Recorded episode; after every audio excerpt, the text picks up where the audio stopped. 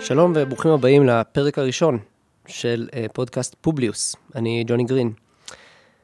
היום אנחנו בעצם נקרא לפרק הזה שופטים מחרסינה, uh, פרק אחד, או פרק הראשון של שופטים מחרסינה, ואני אסביר למה. Uh, אני אנסה להקדיש את חמשת הפרקים הראשונים של הפודקאסט הזה לסדרת טלוויזיה שמשודרת בדיוק בימים אלו, סדרה שנקראת שופטים בשר ודם, בהפקה של כאן. הפרק הראשון נקרא שלטון החוק בשלטון.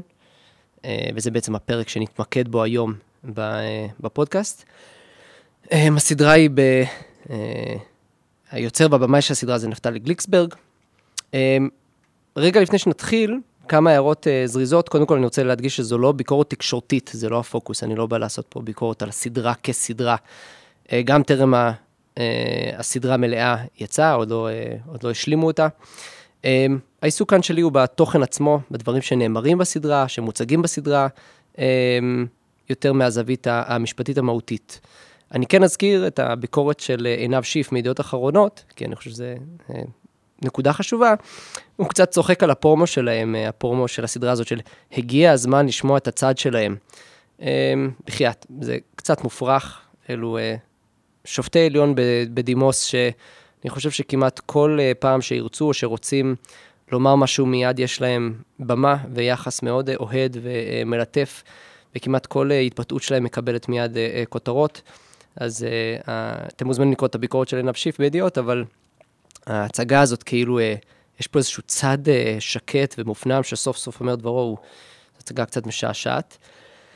אמ, בסוף הביקורת שלו, עינב שיף אומר שהם בעצם פסלים מחרסינה, ומשם ההשראה לשם של הפרקים האלה, שופטים מחרסינה. זה בעצם ההשראה לפרקים שיעסקו בסדרה הזאת. אה, עוד רגע לפני שנתחיל, אני רוצה לתת קרדיט, כן, אני אתייחס פה לכל מיני דברים נקודתיים שהשופטים אומרים.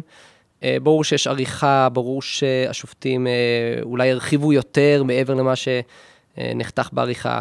מטבע הדברים יש להם קצת יותר מה לומר על הנושאים האלה מלבד מה שמופיע בסדרה. בכל זאת, אני חושב שיש אה, כל מיני תובנות שניתן לחלץ אותן מתוך הדברים שהם אומרים, ואני חושב שיש אמיתות מסוימות שמשתקפות מהדברים אה, הקצרים. אה, ובעצם הדברים שהם אומרים מספקים לנו הצצה לתוך עולם המחשבה של השופטים הללו. אני אתייחס לכל מיני נקודות ספורדיות שעולות מתוך הפרק, כלומר אין לי פה איזשהו משהו מסודר מדי שאני אסקור את כל דבר ודבר, ומטבע הדברים אני לא אכסה את כל מה שעולה בפרק, על אף הפיתוי הרב.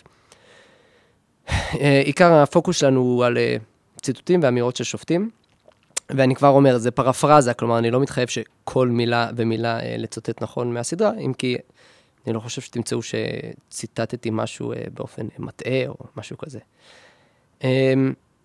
למען הסר ספק, אני חושב שהפרק הזה יהיה מספיק ברור גם למי שלא ראה את הסדרה. אבל יאללה, בואו נתחיל. אז בעצם, כמו שאמרתי, הסדרה הזאת, אה, שופטים בשר ודם, מציגה, אה, I guess, כן, אני מניח, כל מיני אה, צדדים או כל מיני טיעונים שהשופטים האלה רוצים להעלות, או שמעניינים את, ה, את הבמאי. אז בואו נתחיל. בעצם הסדרה מתחילה עם בג"ץ אדלשטיין, כן? זה בעצם הצנות, כן, התמונות הראשונות בסדרה, בפרק הזה. לא, אנחנו לא נרחיב כאן על הנושא של בג"ץ אדלשטיין, אבל די לומר שזו כנראה דוגמה מאוד לא מוצלחת לשלטון החוק, אה, או כן, לשלטון החוק בשלטון, איך שהם קוראים את הפרק הזה. אה, זו כנראה דוגמה באמת מאוד אמיתית להתערבות גסה של בית המשפט אה, ברשויות האחרות. אני במקרה פרסמתי בעצמי מאמר אקדמי, בכתב עת אקדמי במשפטים על אתר, בנושא הזה, ואני הראיתי שבית המשפט סטה מכל התקדימים, מכל התקדימים שהוא בעצמו קבע בנושאים האלה. גם פרופסור, פרופסור רבקה וייל, שהיא מרואיינת בסדרה, בפרק הזה, היא גם פרסמה מאמר אה, אקדמי מאוד ביקורתי נגד בג"ץ בהקשר הזה, והיא אה, המחישה למה זו אה, פסיקה מאוד בעייתית. אמ, זה סתם הערת ביניים. אז השופטת בייניש פותחת פה באיזושהי אמירה של לראשונה שמו לעצמם פוליטיקאים כיעד את כרסום או כרסום כוחו וסמכויותיו של בית המשפט. עכשיו, קודם כל זה סותר לחלוטין את המשך הפרק, כן? הפרק עצמו סוקר המון המון אירועים של פוליטיקאים שמנסים לעשות בדיוק את זה, כן? את טני פרידמן ב-2007, ואת אה, חיים רמון ועוד כל מיני, אז לא ברור בדיוק מתי זה לראשונה, כן, הדרמטיות הזאת. כאילו, אה, כן, כנראה שכבר מזה זמן רב פוליטיקאים אה, מנסים לעשות את זה.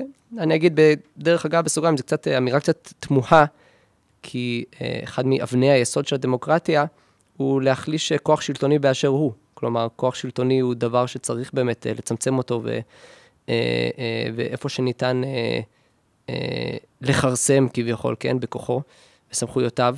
ובית משפט הוא כוח שלטוני אה, לכל דבר. אבל בואו נמשיך, יש לנו דברים הרבה יותר עסיסיים, אה, אני מקווה, בפרק הזה. אז החלק הבא הוא בעצם על הלכת פנחסי דרעי, ואני חושב, אנחנו לא נרחיב כאן על הלכת פנחסי דרעי, אבל יש פה כמה דברים חיוניים ש, שכדאי לומר אותם. אה, שווה להתעכב רגע אחד על, הלכת פנחסי דרעי, או הלכת דרעי, תלוי איך תקרא לזה. בשביל המאזינים, אני אזכיר הלכת פנחסי דרעי, הלכת דרעי זה בעצם שני פסקי דין שניתנו גב אל גב. שבהם אה, אה, בית המשפט הכריח את אה, ראש הממשלה רבין, זיכרונו לברכה, לפטר שרים מהממשלה שלו, שני שרים, שהוגש נגדם כתב אישום, וזאת על אף שלא הייתה לכך כל הוראה בחוק שחייבה את את, את הפיטורין האלו. ובית המשפט קבע שההחלטה שלא לפטר אותם, כלומר, אם רבין לא מפטר אותם, זו החלטה בלתי סבירה באופן קיצוני וכולי. אנחנו לא ניכנס עכשיו לביקורת על, ה, על ההלכה הזאת, אבל אולי בפרק אחר אה, נרחיב על זה קצת יותר, אבל אני חושב שזה מאוד נכון שהסדרה התחילה עם ההלכה הזאת, ואני רוצה להסביר שנייה אחת למה. פרופסור יואב דותן, שאני חושב שהוא מהמומחים מה, אה, המוערכים ביותר ב, בישראל במשפט ציבורי, אה, יש לו מאמר ידוע שנקרא, באנגלית, שנקרא הדחה באמצעות ביקורת שיפוטית, impeachment by judicial review, שבו הוא בעצם טוען שהלכת דרעי בעצם עוסק בהדחה. זה הליך הדחה לכל דבר ועניין. וצריך להבין את זה רגע, שאם נשים בצד את כל הפלפולים המשפטיים, מה שהלכת דרעי עושה, זה שהיא אומרת, אה, אה, בית המשפט בעצם מעניק לקומץ של פקידים את היכולת להדיח כל נבחר ציבור. כלומר, די להגיש כתב אישום, ואני מזכיר שכתב אישום זו הצהרת כוונות, זה מעשה מנהלי לחלוטין, זה לפני שלנאשם היה יום אחד בבית המשפט, לפני שהייתה כל הזדמנות להגן על עצמו, לטעון את הטיעונים שלו. אז בעצם יש פה החלטה מנהלית של קומץ של פקידים, ולפי בית המשפט, די בזה לסיים את הקריירה הפוליטית שלו, והוא צריך באותו רגע או להתפטר או להיות מפוטר. אה, זה, זה בהכללה מאוד אה, אה, גבוהה כמובן. מבחינה מוסדית, מה שהדבר הזה עושה זה שהוא מעניק כוח עצום לכמה פקידים להדיח את כל פוליטיקאי, פוליטיקאי שהם רוצים. עכשיו, אנחנו לא ניכנס עכשיו למה זה אומר, אבל אני רק אגיד שיואב דותן בעצם רומז בין השורות במאמר הזה, הוא אומר, הוא לא רומז, הוא אומר במפורש, קודם כל, שלא ניתן להבין את התפתחות מערכת המשפט בישראל בשלושים שנים האחרונות, מבלי להבין את פסק הדין הזה. אה, בעצם, כלומר, כשאתה מסתכל על העצמת מערכת המשפט על חשבון הכוח של אה, הרשות המחוקקת והמבצעת, והצמיחה הזאת בכוח של מערכת המשפט, הדרך היחידה להבין אותו הוא דרך הפריזמה של הלכת דרעי. ומה שהוא אומר בין השורות, אני חושב, מה שהוא רומז, זה שבעצם יש פה את החרב המונפת. יש פה בעצם, מאז הלכת דרעי, יש פה איום מרומז, ושלפעמים גם אה, האיום הזה קוים, שכל פוליטיקאי שיסטה מהדרך, שיהיה קצת יותר מדי בעייתי, שיהיה קצת יותר מדי שובב, שלא יישר קו עם המערכת, אז בעצם יש עליו את האיום הזה אה, לסיים לו את הקריירה, אה, לפעמים במקרה הטוב, לפעמים במקרה רע, אה, גם דברים גרועים יותר. אז אני חושב שזו הערה חשובה לגבי הלכת פנחס דרעי, ואני מקווה שאולי נחזור לזה בפרק אחר. עכשיו אני חושב בואו נתמקד בציטוטים מתוך פסק הדין. אז קודם כל אנחנו פותחים בין היתר עם השופט אהרן ברק, שאומר, כן, צריך שיהיו כללי משחק ברורים שלא משנים אותם כל יום שני וחמישי. עכשיו, האירוניה פה היא קורעת, היא מדהימה, כי הכהונה של השופט ברק התאפיינה לחלוטין בשינוי טוטאלי של הכללים, מאלף עד תף, באופן תכוף, כן, איך אומרים, בהינף קולמוס. פסק דין אחר פסק דין ששינה את המציאות המשפטית בישראל אה, מן הקצה אל הקצה. אה, בעצם מעטים אה, יכחישו שברק הוא המלך של חידוש הכללים, כן? וקצת משעשע שהוא מטיף לנו שצריכים שיהיו כללי משחק ברורים שלא משנים אותם, אה, כמובן, אפשר לחשוב על המהפכה החוקתית, אבל לא רק, לא רק אה, הדבר הזה, בעצם כל הכהונה של ברק התאפיינה בשינויים התכופים והדרמטיים והרדיקליים האלו. והנה בא ואומר לנו שחשוב שיהיו אה, כללי משחק ברורים. אז זה היה ברק. בעצם הסדרה עוברת לדבר קצת יותר על המהפכה החוקתית ועל אה, חקוק, חקיקת חוקי היסוד ב-92 בפסק דין בנק המזרחי. ופה אה, אה, יש פה ציטוט של, של השופט זמיר, שאומר, אה, אה, כן, הוא מתאר את פסק דין בנק המזרחי, אה, השופט זמיר כמובן בדימוס, ואומר, יצחק זמיר, כל מה שבית המשפט בא ואמר, אם חוק סותר חוקה, תפקידו של בית המשפט לבטל את החוק. כלומר, הוא אומר, בסדר, אפשר לחשוב, כל מה שעברנו זה חוק סותר חוקה, תפקידו של בית המשפט לבטל את החוק. נשמע די טריוויאלי. אז קודם כל מעניין לראות את ההיתממות הזאת, כאילו, כל מה שבית המשפט אה, אה, ניסה לעשות, כאילו, אפשר לחשוב, כן, בואו, אל תעשו מזה עניין, אה, מה נהייתם אה, דרמה קווין, נפלתם עלינו. אפשר לחשוב מה שעשינו, הוא לשנות את שיטת המשטר בישראל מהקצה לקצה, בניגוד לפסיקת בית המשפט עד אותו יום, בניגוד לנורמות מקובלות בעולם של אה, אה, כינון חוקה וכולי. אז בעצם יש פה איזושהי היתממות, כי פסק הדין המזרחי בהחלט שינה את שיטת, המש... אה, שיטת המשטר בפועל בישראל, מן הקצה לקצה, וזה מאפיין, אני חושב שזה דפוס שמאפיין לא מעט מהדיבור שאנחנו נראה בפרק הזה. אמ, ויש פה מילת מפתח, זה הדבר השני פה. אם חוק סותר חוקה, ופה מסתתר, אני חושב, החטא הגדול של אה, פסק דין באקה מזרחי, אנחנו לא ניכנס פה יותר מדי לסוגיה הזאת, אבל מי אמר שיש לנו חוקה? והוא בעצם מניח כמובן מאליו את קיומה של החוקה, ואומר, אוקיי, אם יש לנו חוקה, ואם חוק סותר אותה, צריך לבטל את החוק, מה הבעיה? אבל בעצם פסק דין בנק המזרחי עוסק בעיקר בשאלה הזאת, אם בכלל קיימת לישראל חוקה, ורק קצת בשאלה הנגזרת של מה הסמכות בית המשפט לפסול חוקים שסותרים את החוקה. ומה שקורה פה זה שבעצם בית המשפט המציא חוקה יש מאין, ויש איזושהי תמות של כזה, בוא נניח כמובן מאליו שיש חוקה, וכל מה שאנחנו התעסקנו בו זה עם חוק, אה, מה עושים עם חוק שסותר את החוקה. אבל זה לא באמת היה מרכז של פסק הדין בנק המזרחי.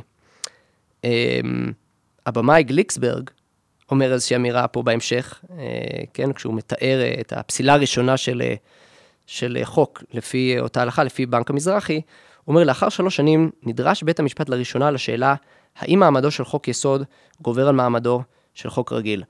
עכשיו, גליקסברג הוא קלירלי לא, לא משפטן, אבל זו אמירה שהיא קטגורית לא נכונה, וזו בדיוק הנקודה. המון שנים, שנים רבות, בית, בית המשפט נדרש בדיוק לשאלה הזאת.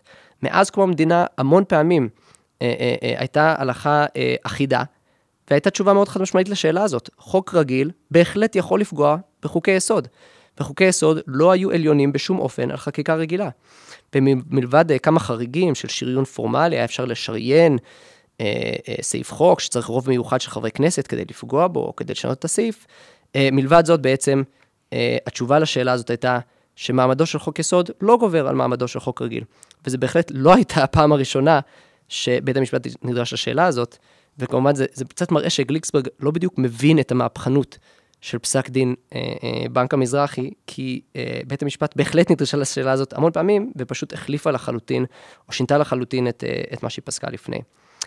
אה, אז אנחנו מגיעים לשופט אה, אליהו מצה. אז בהקשר של בנק המזרחי, אליהו מצה אומר, זה נחמד, הוא אומר, ברק ושמגר כתבו כמה מאות עמודים, שזה נכון ומצער לכל תלמיד שנה א' במשפטים.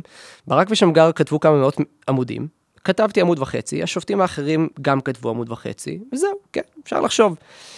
הוא פשוט קצת שכח את הבערך 100 עמודים שכתב uh, השופט חשין, שכתב דעת מיעוט uh, מאלפת. Uh, ואני לא בא להאדיר כאן את השופט חשין, הוא לא, ממש לא שופט שמרן והיה אקטיביסט גדול, ואני חושב שיש המון ביקורת נכונה עליו.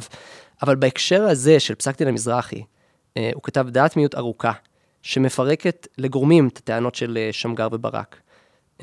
במקום מסוים, עצם הדעת מיעוט שלו היא סוג של עקב אכילס של כל המהפכה החוקתית.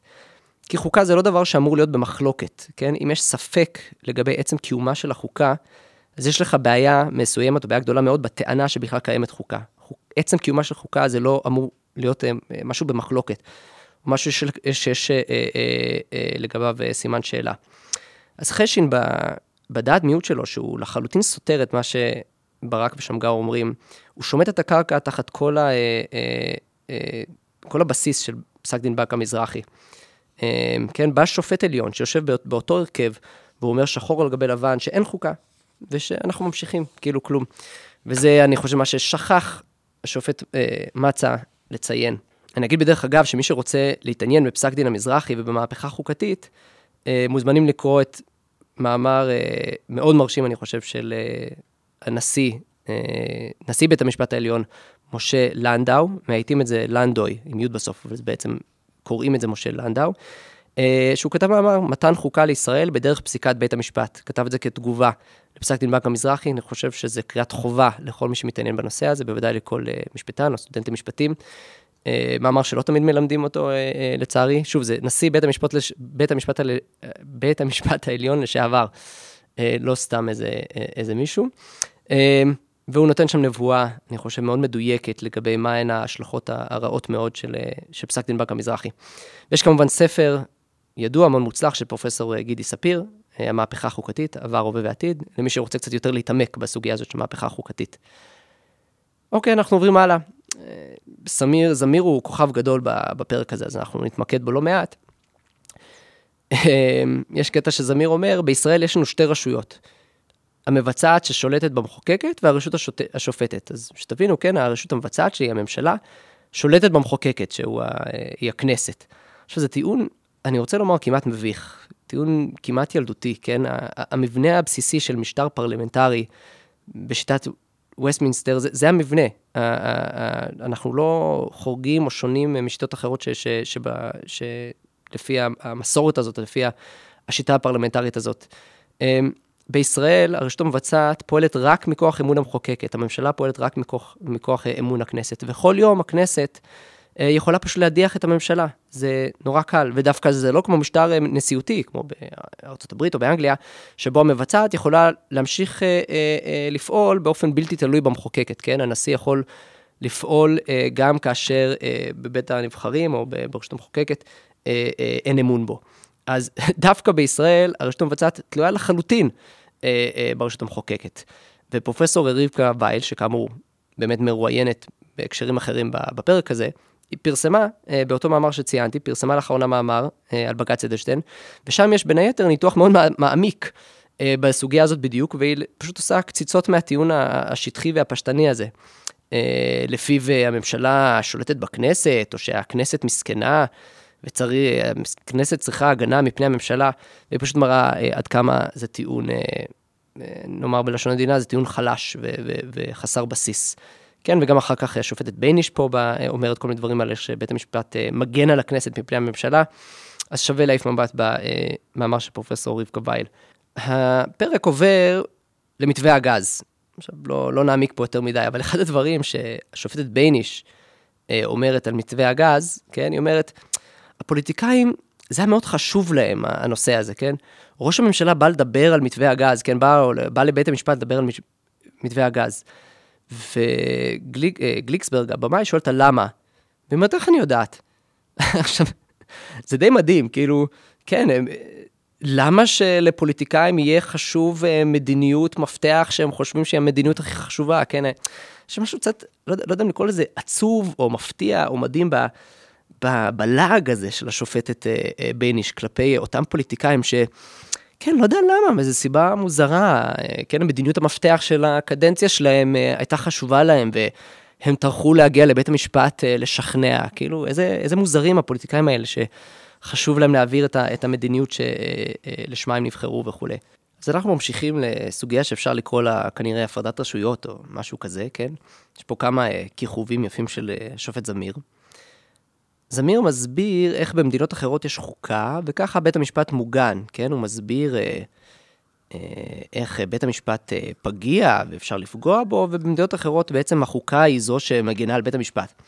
עכשיו, קודם כל, לא כל כך ברור מה זה אומר, כלומר, בישראל, באיזה אופן בית המשפט לא מוגן? מי יכול לפגוע בו? מה החשש הזה של פגיעה בבית המשפט אה, בישראל?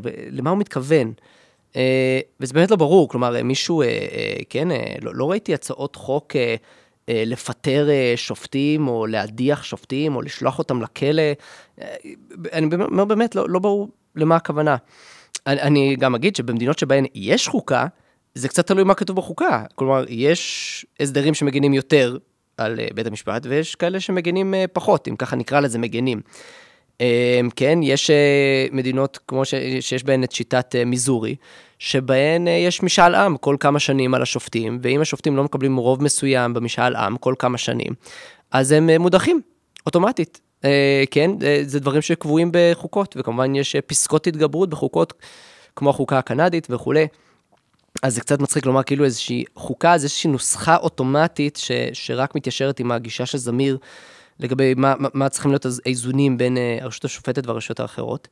וגם, כן, זה ספוילר קטן, uh, אפשר לשנות חוקה. כלומר, גם כשיש חוקה במדינה, מי שקובע את החוקה ומחליט מה כתוב בה, uh, הוא הציבור, הוא העם. Uh, באמצעות שינוי חוקתי, הוא זה שמשנה את המוסד הזה ומקים מוסד חדש ו- ומותר לו. אבל אז בעצם זמיר ממשיך ומסביר שבקטע נחמד, הוא מסביר שמשום שאין לנו את החוקה הזו בישראל, משום שאין לנו את החוקה, אז בית המשפט אה, הוא פגיע במיוחד. עכשיו, אתה אומר לעצמך, רגע, אז יש לנו חוקה או אין לנו חוקה? כי לפני רגע סיפרתם לנו עם בנק המזרחי וחוקי היסוד, והם החוקה, ושהכנסת יצאה חוקה, וזה קצת חושף את הבלוף הזה, כי המון פעמים כשאתה מגרד קצת, אתה מבין שגם אותם שופטים וגם אותם משפטנים מבינים היטב שבכל מובן רגיל של המונח ובכל uh, הבנה מקובלת ו- ונפוצה של, ה- של המושג מה זה חוקה, uh, מובן שאין לישראל חוקה ואין לישראל שום דבר שדומה לחוקה. Um, בא גם זמיר ואומר, בקטע שגם מזכיר קטע אחר אחר כך, בא זמיר ואומר, כל רוב מקרי בכנסת יכול לצמצם סמכויות בג"ץ או לבטל את בג"ץ. כן, עכשיו, קודם כל, זה, יש פה איזושהי הילת קודש סביב בג"ץ, כן, וגם איזושהי פרנויה לגבי שינויים של בג"ץ. עכשיו, בג"ץ הוא לא קדוש מבחינת המבנה שלו, כן? ממתי יש איזושהי היל, הילה דתית סביב, אה, אה, אה, כן, אה, בג"ץ? הרי אני, אני לא חושב שמישהו באמת חושב שבג"ץ הוא איזושהי מלאכת מחשבת של גדולי ה... אה, כן, גדולי uh, מומחי uh, מדעי המדינה ושיא התבונה, כן? הרי בג"ץ זה חלטורה של המנדט הבריטי. אמ, כל מבנה הסמכויות של בג"ץ וכל הצורה שלו כערכאה ראשונה ואחרונה לעניינים מנהליים ראשונים במעלה, וזה שהוא גם ערכאת ערעור אוטומטית, ערעור ראשון בזכות של, בעניינים אזרחיים ופליליים בבתי המשפט המחוזיים, זה איזושהי תאונה טרגית, כלומר, זה איזושהי טעות מצטברת, ו- ו- וזה שמעולם לא שינינו את, ה- את האסון שהיה אה, בעצם מאז המנדט. אתם מוזמנים לקרוא מאמר של פרופסור יורם שחר, שנקרא משכן כמשפטו, שעוסק בדיוק בסוגיה הזאת. אז זה קצת מצחיק גם לראות את ה... לא יודע אם לקרוא לזה נאיביות, אבל את, ה, את השטחיות הזאת, ש, ש, את האובססיה הזאת עם, עם uh, האופן שבו בג"ץ uh, כיום ואיך אסור לגעת בזה. Um, יש גם איזושהי אירוניה כמובן, זה, זה הדבר יותר בולט במשפט הזה, כן? אנחנו נראה זה, אמרתי, נראה את זה גם אחר כך עם השופט דנציגר. הוא אומר, כל רוב מקרי בכנסת יכול לצמצם זכויות בג"ץ. תגיד, רוב מקרי בכנסת זה לא מי שחוקק לכתחילה את רוב החוקים המגדירים את סמכויות בג"ץ, וגם את סמכויות המהפכה החוקתית? הרי מי חוקק את חוק יסוד השפיטה? או למעשה את חוק יסוד הכנסת, או למעשה את חוק יסוד הממשלה. מי חוקק, כמובן, מי חוקק את חוק יסוד כבוד האדם וחירותו? כן, כמובן שאנחנו יודעים שזה רוב זעום של 32 חברי כנסת מול 21 מתנגדים, ב, אה, אה, כן, בממשלת מעבר, בדמדומיה של, אה, של, אה, של הכנסת. אה, זה לא רוב מקרי, אז איך רוב מקרי שהרי יצר לפי בג"ץ, כלומר לפי בית המשפט העליון, מי שיצר את סמכויות הבג"ץ אה, אה, אה, לבטל חוקים, ומי שיצר את המהפכה החוקתית לפי אהרן ברק, כן? זה לא רוב מקרי. אמ, אז אה, כמובן אנחנו רואים שרוב מקרי הוא בסדר כדי לכונן חוקה, אבל חלילה אנחנו אה, מאוד מפחדים מרוב חוקי שישנה משהו בסמכויות אה, בית המשפט העליון ובג"ץ. נקודה אחרונה שנגיד על, ה, על הציטוט הזה, הוא כל כך דואג מרוב מקרי, מה, מה עם רוב מקרי של שופטים? כן, צריך לחשוב על זה רגע, הרי כל ההחלטות הגדולות ביותר הן ברוב מקרי, כן, או שלא כל כך מקרי, שלא נדבר על אופן, אה, אה, אופן בניית ההרכבים בבית המשפט העליון, והאופן שבו לעתים ניתן לצפות את התוצאה מראש, אה, רק מכך שאנחנו יודעים מי ההרכב שדן בתיק מסוים, וה, והחופש פעילות ו, וחוסר ההסדרה של איך נקבעים בכלל הרכבים בתיקים, נשים את כל זה בצד שנייה, אז בעצם למה אנחנו כל כך דואגים מרוב מקרי בכנסת, אבל מנגד רוב מקרי של שופטים, לא, הם יכולים לעשות הכל. ואם אנחנו מדברים על רוב מקרי, כמובן נשאלת השאלה, לאיזה רוב מקרי יש יותר קייס לעצב את בג"ץ ולקבוע את סמכויותיו. כלומר, אם ממילא רוב מקרי כלשהו הולך אה, להגדיר מה הסמכויות של בג"ץ, כן? לצורך העניין, לדוגמה, זה רק דוגמה, כל, כל הסדר חוקתי, אבל נשאר רגע עם, ה, עם הדוגמה הזאת של סמכויות בג"ץ. אם יש רוב מקרי, ממילא רוב מקרי אחד, יעשה את זה, בין אם זה רוב מקרי של הכנסת, של חברי כנסת, או רוב מקרי של השופטים. אה, למי יש קייס יותר חזק לעשות את זה? למי יש תביעה או טענה יותר חזקה ש, ש, שלא הסמכות לעשות את זה?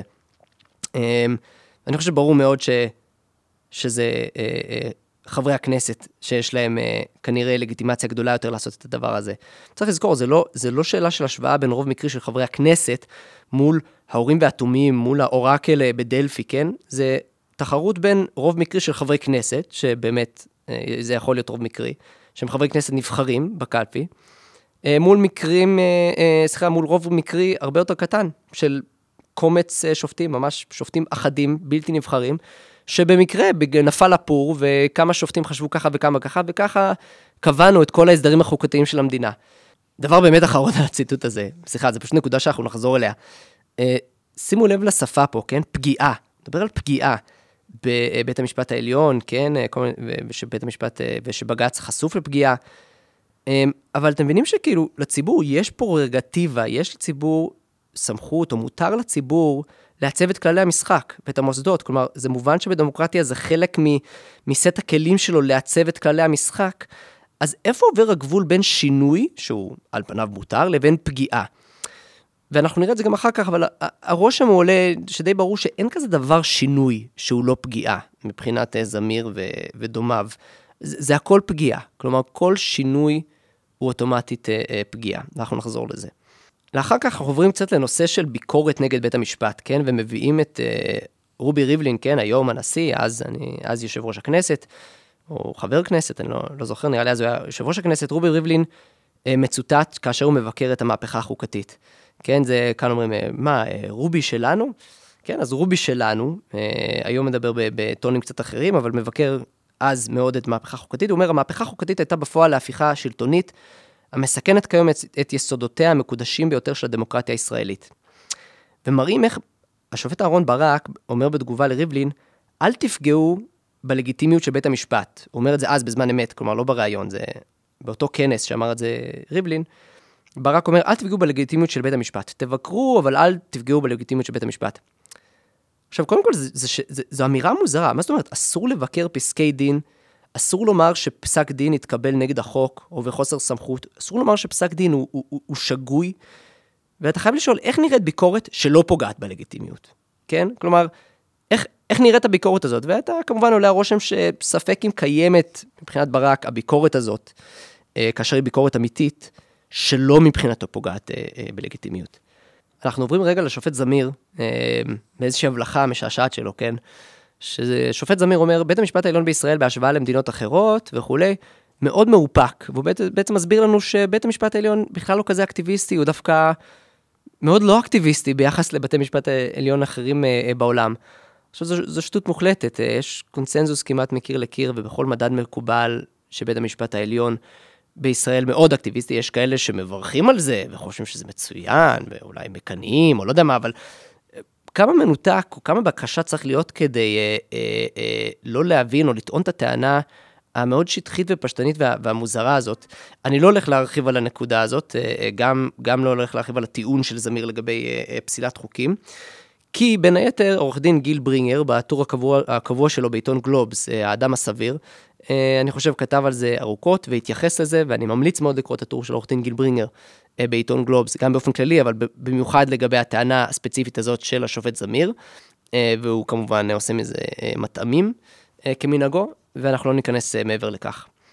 אז הציטוט הבא שלנו של השופטת הנשיאה בייניש, כן, היא אומרת, הכוח של בית המשפט לביטול חוקים נובע מחוקי היסוד. יופי, נהדר, אז אני שמח שפתרנו את העניין הזה. בעצם אפשר כבר לדחות על הסף את כל העתירות נגד uh, חוקי היסוד, כן, כמו חוק הלאום והחקיקה של ממשלת החילופים, ועוד ועוד. Uh, הנשיאה בייניש סגרה לנו את הפינה, כוח של בתי המשפט לביטול חוקים נובע מחוקי היסוד, ומאחר וכך, מובן שאין מקום לביקורת על חוקי יסוד, אם משם לכתחילה נובע, uh, נובעת הסמכות של בית המשפט לבקר, להעביר ביקורת שיפוטית על, על חוקים. אז אני שמח שבייניש סגרנו את הפינה הזאת. הסוגיה הבאה שנזכרת בפרק הזה, שהיא סופר מעניינת דווקא, היא של חיים רמון, וכל הסאגה עם חיים רמון, והניסיון שלו לשנות את שיטת הסיניוריטי שלפיה ממונה נשיא בית המשפט. ויש כזה מוזיקה מפחידה שסרט אימה, ו... ומסבירים איך חיים רמון רוצה לשנות, ואיך זה, וזה ממש, אתה, אתה שומע כמעט את השופטים, או את, את יוצאי השרידה, אומרים לעצמם, איך זה ייתכן, כלומר, איך הוא מעז, כן? איך שר המשפטים והמערכת הפוליטית אה, אה, מעזים להשפיע על זהות נשיא בית המשפט, כן? אה, ויש בזה משהו קצת משעשע ו- ו- ומשהו עצוב, וזה מתחבר למה שאמרנו לפני, שכל שינוי הוא פגיעה, כמובן. כלומר, לא, לא, לא ניתן להעלות על הדעת שינוי שהוא לא פגיעה. ברור שלציבור ולנציגי הציבור, כמו חיים רמון, אין שום זכות לרצות להשפיע על ההסדרים הבסיסיים של המוסדות של המדינה, מה פתאום. מה שגם מעניין פה זה שיש איזושהי חוסר מודעות עצמית לביקורת מאוד מאוד נוקבת כלפי המשפט של חיים רמון ספציפית. אמ, ולגבי הדפוס או הדינמיקה הכללית הזאת של הדחת, אה, אה, כן, נקרא לזה שרי משפטים, או הדחת דמויות אה, בעייתיות למערכת המשפט. הם כאילו מציגים, מציגים בסדרה את ההדחה של רמון אחרי כל הבעיות שהוא כביכול עושה לבית המשפט, ואחר כך, כן, הוא הוחלף בשר משפטים אה, הרבה יותר נוח למערכת, מאיר שטרית.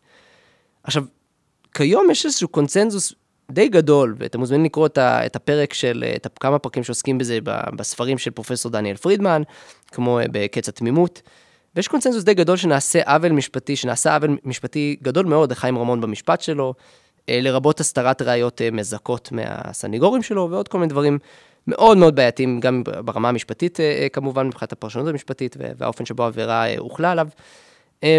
וזה לא משנה מה אתם חושבים על מה שהוא עשה, כלומר, יש איזושהי ביקורת על, על עצם ההליך נגדו ועצם ההליך הטיעונים המשפטיים נגדו. ואנחנו רואים את בייניש, שהיא מאשימה את הממשלה, יש פה ציטוט מבייניש, שבייניש מאשימה את הממשלה והיא אומרת, הם לא רוצים troublemakers, הם לא רוצים אדם שיפריע להם. והיא לא רואה את הדבשת, כלומר, היא לא רואה את האירוניה שמי שלא רוצים את ה troublemakers זה כנראה בין היתר, בין אם זה שופטי העליון, או כמובן, אה, כן, מערכת המשפט באופן אה, רחב יותר, הם לא רוצים את ה troublemakers, הם לא רוצים שר כמו חיים רמון, או כל מיני דמויות אחרות שעושים להם אה, בעיות, והם גם אומרים את זה. עכשיו אני רוצה שנחזור רגע להלכת פנחסי דרעי, ותזכרו מה אמרנו, אפילו אם זה היה על קצה המזלג, על, ה, על השינוי המוסדי הזה, על הכוח המוסדי הזה, ומה זה אומר שמערכת המשפט יכולה בעצמה, כן, או לשיקול דעתה, פשוט להדיח כמעט כל נבחר ציבור מתפקידו, בוודאי מכל תפקיד אה, משמעותי שהיה לו. וזה לא, אה, חיים רמון הוא כמובן לא היחיד, יש את הסיפור המאוד מפורסם של יעקב נאמן, ויש את אה, רובי ריבלין שלנו, כן, רובי ריבלין, שנפתחו נגדו אה, שבעה תיקי חקירה לפני שאמור להתמנות לשר המשפטים, ולכן לא התמנה לשר המשפטים, וכמובן כל התיקים האלה נסגרו, אה, שלא לא יצא מהם אה, אה, לא כלום. ויעקב נאמן, שהוגש נגדו כתב אישום מיד אחרי שהוא נהיה אה, אה, שר המשפטים, אה, והוא גם, הוא היה אה, מוכר כדמות לעומתית אה, למערכת, וגם מזה יצא בסופו של דבר לא כלום, ובית המשפט אה, אה, זיכה אותו לחלוטין, ובמשפט התבררו בעיות מאוד מאוד קשות באופן אה, אה, הגשת כתב האישום. ובעצם יש אה, רשימה די מכובדת של דמויות שככה מצאו את הסוף, או בעצם מצאו פגיעה די חמורה בקריירה הפוליטית שלהם מכל מיני הליכים פליליים שהתבררו בדיעבד כלא מבוססים בעליל.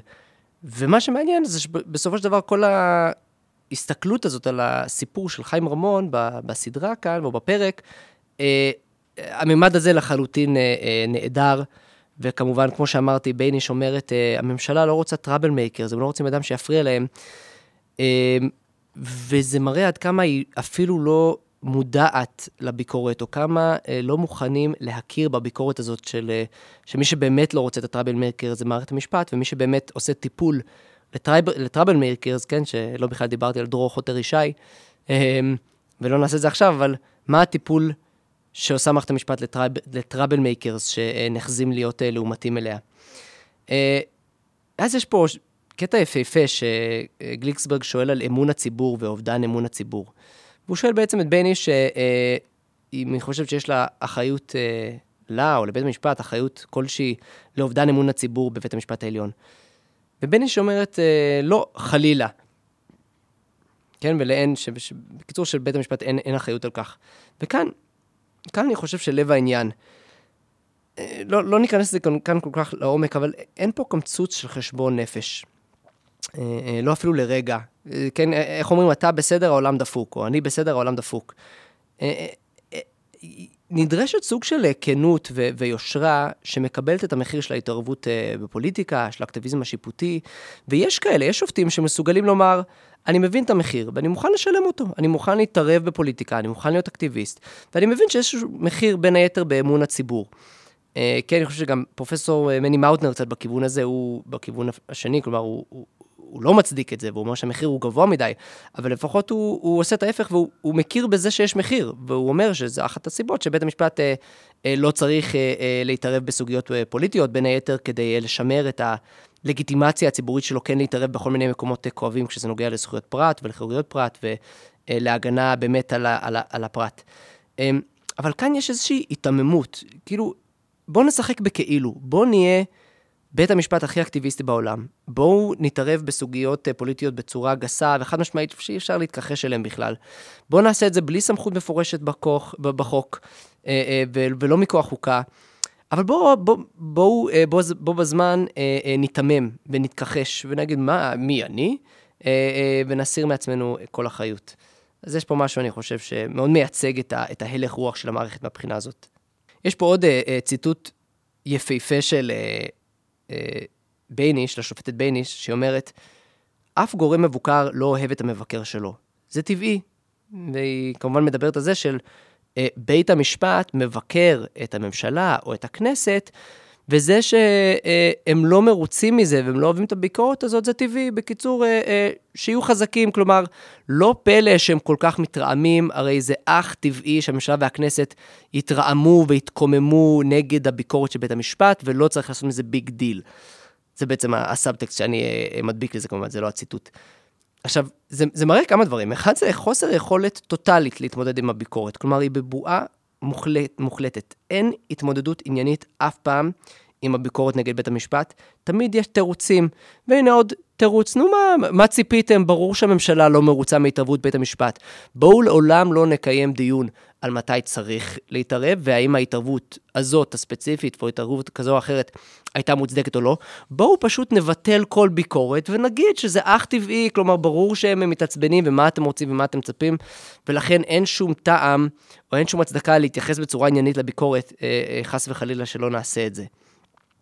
מה שיותר משעשע אבל במשפט הזה של בייניש, זה שאז אתה חייב לשאול, מה עם בית המשפט? אה, כן, כשבית המשפט מבוקר, בואו לא נשכח, כשבית המשפט מבוקר זו פגיעה בלגיטימיות, כן? זו פגיעה בשלטון החוק. אה, כן, אם מישהו אומר שההחלטה היא שגויה, שיש פה חריגה מסמכות, אז הופה, פתאום אנחנו קצת אה, מאבדים את השלווה הזאת ואת השוויון נפש הזה, שאנחנו אה, אה, מגלים שאנחנו לא כל כך זורמים עם הביקורת. פתאום זה לא אך טבעי שה, שהגורם המבוקר יתקומם נגד הביקורת. כן, אה, וראינו את, אה, את אהרון ברק אומר, אה, אחרי הביקורת המנומקת של רובי ריבלין, אומר אהרון ברק, כן, אסור לפגוע בלגיטימיות של בית המשפט. כלומר, כשרובי ריבלין מבקר את בית המשפט, אז זה לא, כן, אך טבעי שהמבקר לא יאהב את זה והכל בסדר, אז אנחנו קצת יותר לא אוהבים את הביקורת הזאת, כמובן, בתור בית המשפט. עכשיו, כמה דקות לאחר מכן, מראים את דני פרידמן, את טומי לפיד, את מיכאל איתן, שסך הכל אנשים מאוד מלומדים ומכובדים, כלומר, זה לא אה, אה, אספסוף, אה, אה, כן, אה, ברחוב. אה, וסך הכל בחיים שלהם נתנו המון ביקורת שהיא מנומקת ומבוססת אה, נגד אה, בית המשפט העליון ונגד בג"ץ וכולי. ואז בייניש בעצם מצוטטת כאשר היא אומרת, או היא מתארת לא מעט מהדברים האלה כמסע במטרה להחליש את מערכת המשפט, כדה-לגיטימציה, כהסתה. ואתה רואה את הצביעות הזאת של מה, מה, מה קרה שהרגע, לפני רגע אמרת, אף קורא מבוקר לא אוהב את המבקר שלו, זה טבעי. כלומר, אפשר לבטל את, ה, את ההתרעמות הזאת, אפשר לחשוב אה, הכי טבעי שהגורם המבוקר יתעצבן ולא צריך לעשות מזה עניין. לא, עכשיו זה לא כל כך טבעי שהמבקר, שהגוף המבוקר אה, אה, לא יאהב את זה, והגוף המבוקר, כשהוא בית המשפט, אז הוא עומד על הרגליים האחוריות, והוא צועק על מסע במטרה להחליש את מערכת המשפט, ודה-לגיטימציה והסתה וכולי. בעוד ציטוט נהדר של בייניש, אנחנו פה עכשיו מפציצים עם בייניש, היא אומרת, לגבי הטיעון על אחידות הדעים, או אחידות הסוג האנשים בבית המשפט, אה, היא אומרת, בית המשפט מאור אחד, לא דובים ולא יער, כן? הם לא באמת עשויים מאור אחד. הם, עכשיו, ברור, ברור שבית המשפט הוא מאור אידיאולוגי אחד, אה, וזו בדיוק הנקודה, שזה לא משנה אם תביאו מישהו עם שם משפחה אה, כמו מזוז, או תביאו חובש כיפה כמו רובינשטיין, אין ולא יכולה להיות שאלה שמזה שנים רבות, בית המשפט הוא בעיקר משבט את עצמו. אה, וזה עניין שבעובדה, כלומר, לא ניתן למנות שופטים בלי הסכמת השופטים, אה, דבר שהוא חריג כמעט בכל העולם הדמוקרטי, שהשופטים עצמם קובעים מי מצטרף אליהם לספסל השיפוט. אה, אז מטבע הדברים, השופטים מחליטים למנוע רק מי שמסכים איתם, זה לא כל כך מסובך, זה אך טבעי, איך נאמר. הם לא אוהבים מי שלא בא להם בטוב. כמובן שהדוגמה הקלאסית ביותר היא פרופסור רותי גביזון, זיכרונה לברכה, שאנחנו לא נרחיב כאן על המקרה שלה, אבל אה, אה, ניתן להסתכל על זה עוד אה, אחר כך. ויש פה איזושהי חוסר, שוב, חוסר הבנה או חוסר מודעות עצמית, ואפשר להמחיש את זה כך של כמה שופטים יש בבית המשפט שכן חושבים שצריך לצמצם את, אה, את כוח אה, בית המשפט, או כמה שופטים יש בבית המשפט שחושבים שמהפכה חוקתית אה, טעות ביסודה. כי יש המון המון המון משפטנים מלומדים שחושבים את הדברים האלה, אבל יש מעט מעט מאוד שופטי בית משפט עליון שחושבים את הדברים האלה. אז בוודא, בוודאי שאני חושב שבית המשפט כן עשוי מעור אידיאולוגי אחד. אז בעצם הפרק מתעסק המון עם פרופסור דני פרידמן בכהונה שלו כשר משפטים, כל התקופה הזאת. אה, כן, והנשיאה בייניש, השופטת בייניש, מתארת את דניאל פרידמן כמר נגד המערכת, כן, אם הבנתי, מר מלשון מרירות, כן, לא אה, מר כמו אדון או mister, כן, הוא מר נגד המערכת, אלא הוא מר קל. ואז יש שאלה נהדרת של גליקסברג לבייניש, שהוא שואל אותה, למה הוא, למה אולמרט ממנה אותו, את פרידמן, כן? למה אולמרט ממנה את פרידמן אם הוא יודע שהוא מינוי לעומתי? עכשיו, זו שאלה מדהימה, כן? אני, כמו שאמרתי, אני לא באתי לבקר פה את גליקסברג, כי זה לא, לא בדיוק הנושא, אבל תחשבו רגע על הנחות היסוד שלה, של השאלה הזאת. אז כאילו, לראש הממשלה יש איזושהי חובה, או ציפייה ממנו, שהוא ימנה מישהו נוח, מישהו זורם, אה, אה, מישהו שלא יקשה על, על המערכת. עכשיו, זו הנחה מופרעת, כן? תחשבו על זה רגע בכל הקשר אחר. דמיינו שיש בלאגן בצבא, בצבא, ויש ביקורת אה, ציבורית גדולה על, על, על הצבא, ושערוריות, ויש, אני יודע, הפסדים בקרב. אה, לפעמים צריך שר ביטחון שהוא ביקורתי כלפי המערכת, והוא יבוא לעשות אה, סדר. ואם שר הביטחון הוא תמיד רק סוג של בייביסיטר, שבא אה, לגונן על הצבא, אז הוא בוודאי מועל בתפקידו. ואותו כנ"ל, כן, אם יש אה, בעיות כלכליות אה, וניהול כושל, כן, במשרד האוצר ובקופת המדינה, לפעמים צריך שר אוצר שביקורתי כלפי המערכת, אה, אה, שהוא בא לעשות סדר, שהוא יודע לעמוד על האינטרס הציבורי אל מול האינטרס הפקידותי. זה, זה טבעי. עכשיו, אפשר לחלוק על אילו מצבים, אה, אילו מצבים מצדיקים את זה, מתי זה כן ככה, מתי זה לא ככה, אבל בוודאי מובן לכולם שלפעמים הדבר הזה נצרך. כלומר, יש כזה דבר שצריך להביא מישהו שדווקא לעומתי למערכת. אבל רק אצל שר משפטים אסור חלילה שיהיה מישהו לעומתי. כלומר, איך זה ייתכן שראש הממשלה העלה על הדעת למנות שר משפטים ש, אה, אה, שלעומתי כלפי המערכת?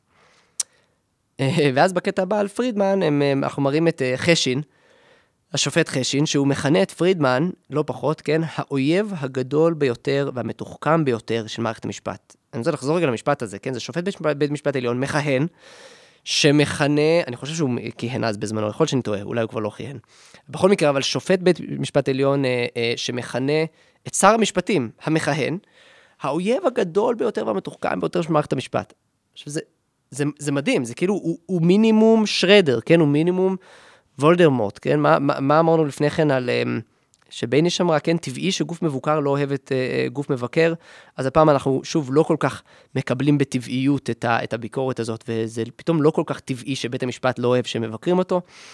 וכמובן, uh, כמו שאהרון ברק, כן, אמר, uh, אל תפגעו בלגיטימ, בלגיטימיות של בית המשפט, אבל בלגיטימיות של שר בממשלה אפשר. כלומר, אין שום בעיה לתאר שר בממשלה כהאויב הגדול ביותר והמתוחכם ביותר של מערכת המשפט. ברור. ותזכרו כמובן שלשופטים אין שום אחריות לירידה באמון הציבור, זה לא קשור, כן? אה, אה, אה, כששופט מכנה שר משפטים מכהן שמונה על ידי, כן, ממשלה דמוקרטית, כש, כש, כששופט מכנה אדם כזה, האויב הגדול ביותר והמתוחכם ביותר של מערכת המשפט, בוודאי שזה לא יכול להשפיע על אמון הציבור בבתי המשפט במערכת המשפט, חלילה. יש עוד כל מיני סוגיות, כן, עוברים לפסילת חוקים, זה אחד מהציטוטים, ה... סליחה, יש, יש כמה ציטוטים יפים, אנחנו נראה אותם עכשיו. לדנציגר יש ציטוט שהוא מדבר על סמכות תבואה לפסול חוקים שהם בלתי חוקתיים. כלומר, סמכות תבואה של בית המשפט לפסול חוקים שהם בלתי חוקתיים. סמכות תבואה, הכוונה היא סמכות אוטומטית, סמכות שהיא מובנת מאליה, שהיא טבעית לתפקיד, שהיא קיימת שם לכתחילה ו- ואין עליה עוררין. עכשיו, הקביעה הזאת, עוד פעם, ששופט עליון בדימוס, כלומר, לא מדובר באספסוף, הקביעה הזאת היא קביעה הפוכה מכל נורמה בכל העולם הדמוקרטי. ואני לא חושב שצריך להרחיב על זה, כן? אבל ה baseline בכל העולם הדמוקרטי הוא שניתן לפסול חוקים רק כאשר סמכות זו הוענקה באופן מפורש מכוח חוקה מפורטת שהתקבלה על ידי העם. זו נקודת המוצא, זו ה default, זה הפוך, הפוך, ההפך הגמור מסמכות טבועה. זה, אה, אה, ה default הוא שאין שום סמכות כזאת, אלא אם כן ניתנה באופן המפורש וברחל בתך הקטנה, אה, אה, או לפחות כן, שקיימת חוקה. בואו נתחיל מנקודת התחלה שקיימת חוקה כלשהי, שמכוחה אפשר אה, אה, לפסול חוקים, אה, אבל אפילו מבחינת דנציגר, אפילו זה לא תנאי, סמכות טבועה לפסול חוקים שהם בלתי חוקתיים. אה, הפרק עובר לעסוק במינוי השופט גרוניס לנשיא אה, אה, בית המשפט. אני לא אכנס פה לפרטים. אה, יש פה ציטוט של ניצן הורוביץ, כן, חבר הכנסת בזמנו ניצן הורוביץ בכנסת, והוא צועק על, כן, על כצל'ה, על חבר הכנסת שרוצה, ש, ש, שמוביל את השינוי הזה, לשנות, לגרום למינוי של גרוניס כנשיא באמצעות שינוי בחוק. וניצן הורוביץ אומר, תביא שמות, ש... כן, הוא מטיח בהם, תביא שמות של מי שאתם רוצים למנות, תביאו מתנחלים ותצביעו על זה פה. ומה שמצחיק זה שהוא אומר את זה כאילו שמשהו מגוחך, כאילו הזוי, כן? אה, אה, כן, עוד מעט אתם המשוגעים, תביאו שמות פשוט, ופשוט תמנו את מי שאתם רוצים אה, לבית המשפט, פה, ב, פה הכוונה היא בכנסת, כן? פה בבית המחוקקים. אה, אה, המחשבה ההזויה והמופרכת והמופרעת הזאת שבבית המחוקקים אה, ימנו שופטים. עכשיו זה מדהים, כי זו הנורבה, כלומר הדרך השכיחה והנפוצה ביותר למינוי שופטים בערכאות הכי גבוהות במדינה, אה, היא דרך הדרג הנבחר, ובמיוחד דרך בית המחוקקים. כלומר, זו הנורמה, הנורמה, אם תלכו לרוב המדינות אה, הדמוקרטיות המערביות המתקדמות בעולם, אתם תמצאו שהדרך הרגילה למנות שופטי עליון, או שופטים אה, אה, חוקתיים נקרא לזה, היא דרך בית המחוקקים, זה הסטנדרט. ופה ניצן הורוביץ אה, מזדעק של, אה, אה, כאילו, אומר, אומר כאילו בציניות, כן, בסאטיריות, אה, אה, בטח שזה מה שאתם רוצים לעשות. אה, לאחר מכן, השופט גרוניס עצמו נשאל על, על, על, על סוגיית אמון הציבור. והוא אומר, כן, עד כמה שאתה, אה, אה, סליחה, הוא אומר, יש שאלה, עד כמה אתה נותן לגוף שאיננו נבחר, שמתערב בהחלטות של גופים נבחרים. קביעה כל כך פשוטה, כלומר, שאלה כל כך פשוטה, הוא, הוא פשוט אומר את ה-obvious ומודה בדילמה, כלומר, לא, אפשר עדיין להגיד מה מוצדק ומתי מוצדק להתערב, אבל לפחות הוא מכיר בזה שיש פה איזושהי בעיה או אנימליה, או, או, או יש פה אה, אה, אה, גורם לפגיעה באמון הציבור. כשאתה נותן לגוף שאיננו נבחר להתערב בהחלטות של גופים נבחרים, אתה תפגע באמון הציבור בגוף שהוא לא נבחר. זה כל כך פשוט, זה, זה, זה אפילו טריוויאלי, אבל בכל זאת זה הדבר שכל כך הרבה מהשופטים המתראיינים פה בפרק פשוט לא מסוגל, מסוגלים אה, להעלות את זה על הדעת. הפרק ממשיך להתעסק עם אה, סוגיית המסתננים ופסילת חוקים.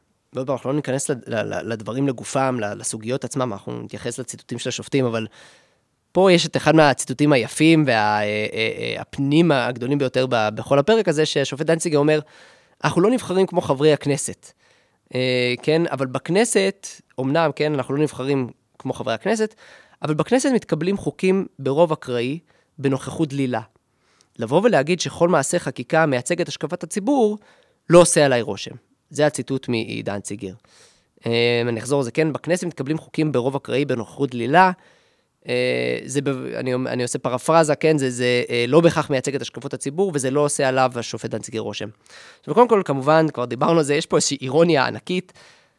חוק יסוד כבוד האדם וחירותו נחקק באים אימא של הרוב האקראי בנוכחות דלילה. לפנות בוקר בממשלת מעבר ב-32 בעד מול 21 נגד, כמו שרבים גם שמו לב, רוב מתוך ה-32 שהצביעו היו חברי אופוזיציה. כלומר, רוב מתוך אלה שהצביעו בעד היו חברי אופוזיציה. עד כדי כך זה היה נחשב לחוק לא חשוב, שחברי הקואליציה אפילו לא כל כך טרחו להגיע, וזה לא משהו שעניין אותם יותר מדי. וכמו שאומר פרופסור דני פרידמן, שכל המהפכה החוקתית ניצבת על קרעי תרנגולת, אז הרעיון שעחוק הדי עילג הזה עבר, כלומר, החוק אולי בסדר, כלומר, הכוונה היא להליך מעבר החוק, שעבר בצורה שעבר, זה היסוד החוקתי של הרחבת סמכות בית המשפט ופסילת חוקים ופרשנות חוקתית מרחיבה וכולי. אבל מנגד, כן, הוא לא רוצה להתרשם מחוקים אחרים שמתקבלים ברוב אקראי בנוכחות לידה, דלילה.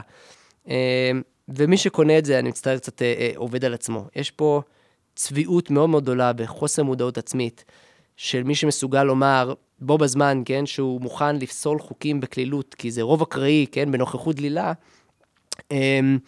אבל בו בזמן להציב את כל המהפכה החוקתית, ובעצם את הפסק דין החשוב ביותר בתולדות מדינת ישראל, על חוק אחר שעבר ברוב אקראי בנוכחות דלילה. יש פה אבל טיעון שהוא באמת חשוב, והוא נכון, של דנציגר, וצריך להתייחס לזה רגע. הוא מתייחס לטיעון אחר והוא אומר, הכנסת לא בהכרח מייצגת את העם. ואתם יודעים מה? הוא צודק. הכנסת יכולה לעשות דברים שהם נגד רצון העם, ובדמוקרטיה זה מאוד מאוד חשוב לזכור שזה שמישהו עם נציגי הציבור, או נציגי העם, או נבחרי הציבור, לא אומר שהם אוטומטית העם, ולא כל דבר שהם עושים זה אוטומטית מקבל את ההכשר הזה של רצון העם. נכון. אבל השופט, כשהוא מייצג את ה... והשופט דנציגר וכל... ואחרים, שמייצגים את הגישה הזאת, הוא מתעלם מהשאלה של למי יש קייס יותר טוב, דיברנו על זה קצת לפני, כן? למי יש את הקליים, למי יש את התביעה להיות מייצג העם. המחוקק הוא, הוא לא העם, אבל השופט כן, כלומר, כמה שופטים בלתי נבחרים שיושבים בהרכב, הם כן המייצגים העם? הרי אנחנו מדברים פה על תחרות, כן? אנחנו, אנחנו מדברים על תחרות מי יותר מייצג את העם.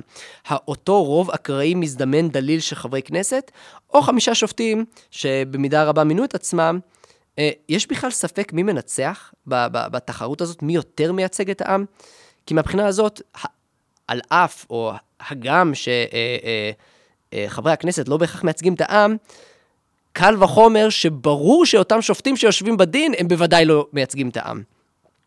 אז יש פה קצת טענה אה, אה, מופרכת, כן? שבגלל שהכנסת לא מייצגת את העם, אז דווקא בית המשפט הוא זה שיודע ברוח הקודש מה העם באמת אה, אה, רוצה. וצריך לציין את הנקודה הזאת עם אה, הערה, שהשופט יכול להיות מייצג העם די טוב במקרים מסוימים, וזה כשיש חוקה. כשיש חוקה שהוא מסתמך על אה, אה, טקסט מפורש, מפורט, חוקתי, כן? שבפירוש ובאופן שלא משתמע לשני פנים מייצג את רצון העם. חוקה שהתקבלה ישירות על ידי העם ו- ו- ורוב גדול של נציגיה וכולי, שמסמיכה את בית, המשפט, את בית המשפט לדבר בשם העם. אז במקרה כזה אולי אפשר להגיד ש- שיש תחרות. אז במקרה הזה אולי יש לפעמים לבית המשפט קליים לומר שהוא מדבר בשם העם, קצת יותר מהכנסת, אבל זה בוודאי לא המקרה שלנו, וה...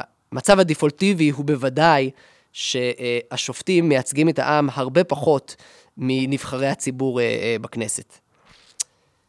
אנחנו מגיעים לציטוט אחד היפים, אני חושב, בפרק. עכשיו יש בכלל כמה ציטוטים נהדרים בפרק. השופט אליהו מצה, עם הציטוט הבא, כן? הפוליטיקאים שמותחים ביקורת על בית המשפט העליון, בחיים שלהם לא קראו פסק דין.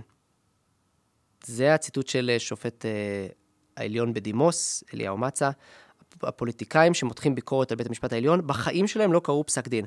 עכשיו, צריך להבין רגע כמה במשפט הקטן הזה יש התנשאות ויוהרה, וגם איזושהי בועתיות ועיוורון עצום. קודם כל, אני חושב לא מעט מהפוליטיקאים לפחות, בוודאי כן קרו. קרו המון פסקי דין. אני חייב לומר שבתור עורך דין ומשפטן, אם אתם רוצים לדבר על פגיעה באמון הציבור של בית המשפט, אז לכו תקראו בפסקי דין, כי אני חושב שאחד מהדברים שעשויים לערער את אמון הציבור הכי הרבה בבית, בבית המשפט, הוא קריאת פסקי דין.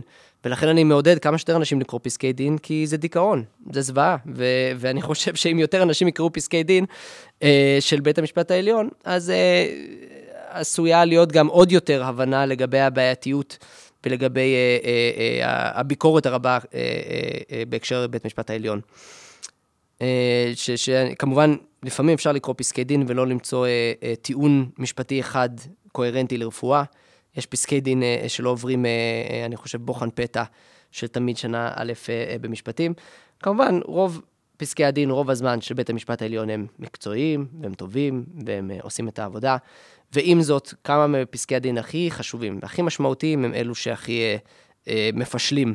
אז ההנחה הזאת שהם לא קראו פסקי דין היא, היא, היא, היא קצת מוזרה, אבל יותר חשוב מזה, כמובן, יש פה התנשאות עצומה על אנשים שהם בסופו של דבר, אומנם הם פוליטיקאים, כן? אז זה אוטומטית אומר שהם אנשים אה, אה, נוראיים, ואני לא יודע מה לפי אה, השופט מצה, אבל יש המון פוליטיקאים שהם סך הכל מלומדים, והם יודעים על מה הם מדברים, והם קוראים כמובן פסקי דין, אבל יותר חשוב מזה, אני מוכן לומר את ההפך. אני מוכן לומר ששופטים כמו אליהו מצה, שזועקים זאב זאב יומם וליל, לא טרחו מימם לקרוא מילת ביקורת על עצמם. אני, אני בספק גדול אם מצה אי פעם קרא את הספר של אה, דניאל פרידמן, ארנק אה, והחרב, או קץ התמימות. אה, אני חושב שיש לא מעט מהאנשים הללו שמעולם לא ביק... קראו ביקורת מנומקת על תפיסת העולם שלהם. אני לא יודע כמובן, אני לא הולך לקבוע את זה באופן הנחרץ שהשופט מצה קבע את זה. אבל בוודאי, עצם הקביעה הזאת שהמבקרים שלך לא קראו פסק דין מימם.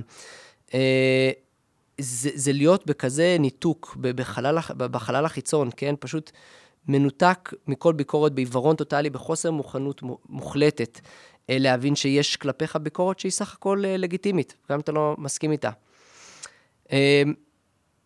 אנחנו עוברים עכשיו לאחד מהקטעים הכי יפים, כן? לשופטת עדנה ארבל, שמגיחה לקראת סוף הפרק. אמ, יש, לו, יש לה פה כמה התפלקויות מאוד אלגנטיות. אמ, באחד מהם, הבמאי גליקסברג אומר לה, מדברים על פסילת, פסילת חוקים ועוד כל מיני דברים, והוא אומר לה, אבל המחוקק קבע. ועדנה ארבל עונה לו, גם המחוקק יכול לטעות. גם המחוקק יכול לטעות, ככה אומרת עדנה ארבל. עכשיו, זה נהדר, כי, כי בקליפת אגוז אנחנו מבינים את הבסיס של תפיסת עולם של, של אה, עדנה ארבל ואחרים כמוה. לא חוקה, ולא חוקי יסוד, ולא רשות מכוננת, ולא הפרדת, אה, אה, אה, הפרדת רשויות. אפשר לוותר על כל התיאוריות המתפלפלות וה, אה, והמתוחכמות האלה. המחוקק טעה. זה נורא פשוט, כאילו, מה, מה הבעיה? אה, המחוקק קבע, אבל אז מה הוא טעה? ואני אחליט, ואם הוא טעה, אז זהו, נגמר, אפשר לבטל את הטעות. כמה פשוט. אז ברצינות צריך לשאול רגע, קודם כל, באמת אני שואל, מה האומדן? מה, מה המשמעות של טעות של המחוקק? איך בודקים מתי המחוקק טעה? ואנחנו בעצם רואים שכמובן אה, אין שום משמעות למונח הזה, המחוקק טועה או המחוקק יכול לטעות. הכוונה היא סך הכל שאתה או את במקרה הזה, את לא מסכימה עם המחוקק. אני לא מסכימה עם המחוקק. וכמובן שאני לא מסכימה עם המחוקק, שזו המשמעות האמיתית של המחוקק יכול לטעות, זו כמובן לא טיעון, זו לא עילה לפסילת חוק, זה לא טיעון משפטי. אמ, אבל הרבה יותר חשוב מזה, ויש פה משהו יותר, אני חושב, אה, בסיסי. אה, עדנה ארבל במקום מסוים צודקת לחלוטין. היא צודקת שהמחוקק יכול לטעות. ולפעמים המחוקק בהחלט יטעה, וזו טבעה של הדמוקרטיה, וזה עם כל הצער והטרגדיה שבדבר, מותר למחוקק לטעות. זו כל הנקודה. והטעות של ארבל דווקא, הוא שיש איזושהי הצדקה לקיומו של קומיסר טעויות. כלומר, בעצם ארבל אומרת, צריך איזושהי ועדת ביקורת שבודקת את החקיקה ועוברת עליה, והיא תחליט מתי יש טעות ומתי לא. אה, זו בעצם ההצעה של ארבל, או בעצם התפיסה מאחורי הרעיון הזה שהמחוקק יכול אה, אה, לטעות. וזה בעצם אומר שבואו נוותר על הרעיון הזה של ריבונות העם, שהוא מכריע עבור עצמו בשאלות הכי גורליות, של מדיניות, של תעדוף, של ערכים. לא, המחוקק יעשה מה שהוא רוצה, וועדת הביקורת, שהם בית המשפט העליון, יחליטו מתי הוא טעה. אז אני אוהב את זה כי יש פה איזושהי חשיפה, אני חושב, של חלק מהחשיבה הקצת יותר שורשית לגבי מה זה באמת אומר, אה, הביקורת על, אה, על חקיקה וכולי. יש פה כמובן שאלה קצת יותר חשובה אפילו, והיא מה לגבי בית המשפט. בית המשפט לא יכול לטעות? הרי לפי uh, כותרת הסדרה שלנו, כן, שופטים הם לא בשר ודם. כן, עכשיו, זה מדהים לראות כי המחשבה הזאת לא עוברת לה בראש, וזו מחשבה שעולה פה מהמסך, כן? כשעדנה ארבל אומרת, גם המחוקק יכול לטעות, אני חושב שכמעט כל אחד שמסתכל עליה וצופה בסדרה הזאת אומר לעצמו, רגע, אבל גם השופט יכול לטעות, גם בית המשפט יכול לטעות. אה, אה, אה, וכמובן, כמו שכבר העלינו לפני כן בפרק הזה, למי יש יותר לגיטימציה לטעות, כן? למי מותר לטעות יותר? לנבחרי הציבור שקיבלו אמון בקלפי, או לחופן שופטים בלתי נבחרים? אני חושב שאנחנו יודעים את התשובה. יש עוד ציטוט יפה של השופטת ארבל, והיא אומרת, מדברת על מהפכה חוקתית, והיא אומרת, וזאת המהפכה החוקתית שכל העולם מברך את ברק, הכוונה היא לאהרון ברק, שכל העולם מברך את ברק ומריע לו, ופה רק תוקפים.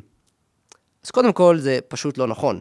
לא מעט ברחבי העולם מזדעזעים, וכאן אנחנו לא ניכנס לזה, אבל uh, יש המון אנשים שזה גורם להם זעזוע עמוק ו- ומבוכה לחשוב על, uh, על המהפכה החוקתית, אבל קצת יותר מעניין פה לדעתי, הוא הסאבטקסט, שמה מסתתר פה בין השורות.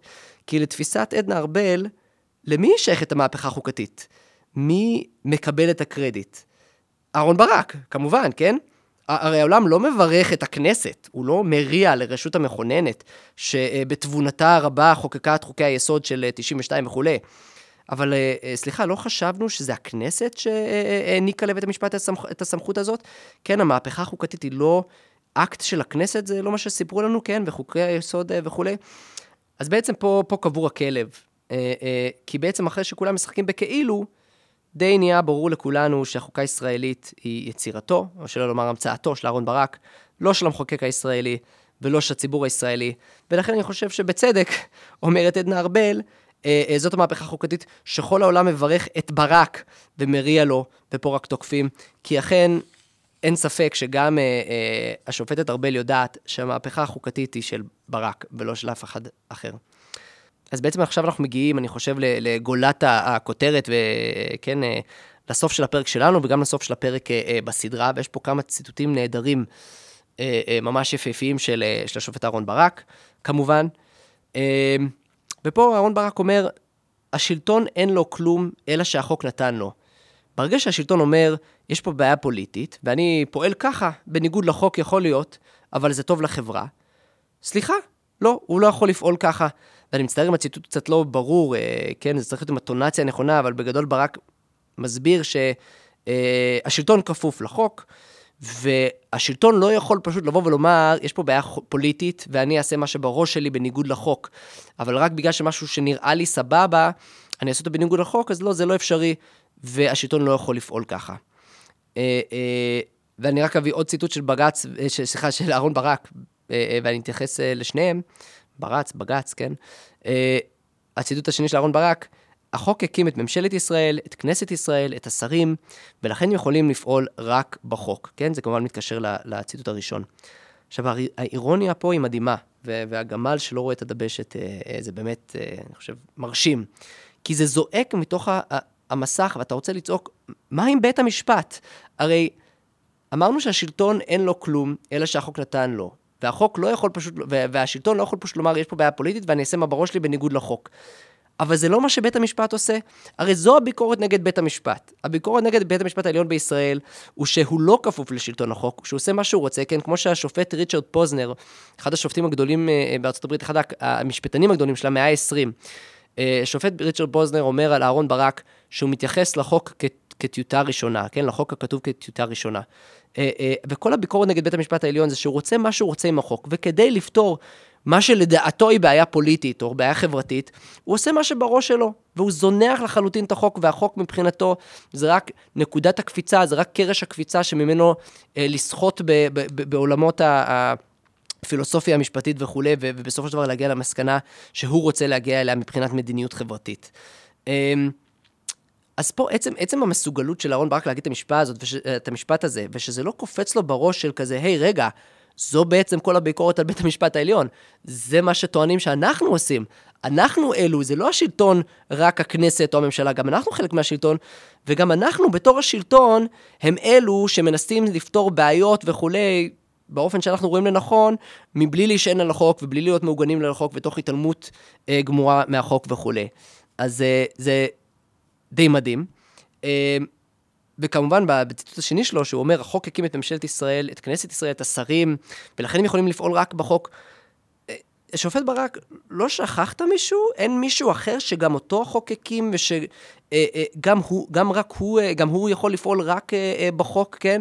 הרי שכחנו את בית המשפט, לא? כן? החוק הקים גם את בית המשפט, ולא רק את השרים, אלא גם את השופטים, וגם הם יכולים רק לפעול לפי החוק.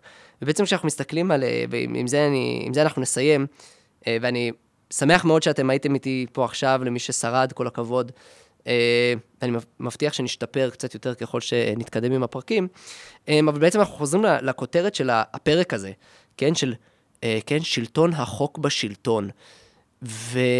נשאלת השאלה, האם באמת יש שלטון החוק בשלטון כשמדובר בבית המשפט? האם יש שלטון החוק בבית המשפט? האם אנחנו לוקחים ברצינות את הרעיון הזה שבית המשפט כפוף לשלטון החוק? האם בית המשפט מראה בצורה קונסיסטנטית ועקבית שהוא כפוף לשלטון החוק? ולכל הפחות, זו הביקורת, וצריך להבין שזו הביקורת כלפי בית המשפט.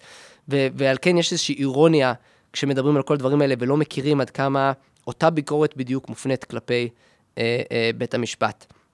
אה, את הסיכומים הכלליים אני חושב נשמור לסוף הסדרה או לסוף, ה, לסוף הפרקים שיאספו בסדרה, אבל די מדהים לראות פה את ההיתממות, אני חושב את השטריות, את, את חוסר המודעות, ובמיוחד את חוסר היכולת להכיר בקמצוץ, בטיפה של ביקורת. כלומר, יש פה אפס חשבון נפש, אין גרגיר של תהייה של אולי איפשהו אה, בדרך אנחנו כבית משפט, אנחנו כשופטים יכולנו לפעול אחרת.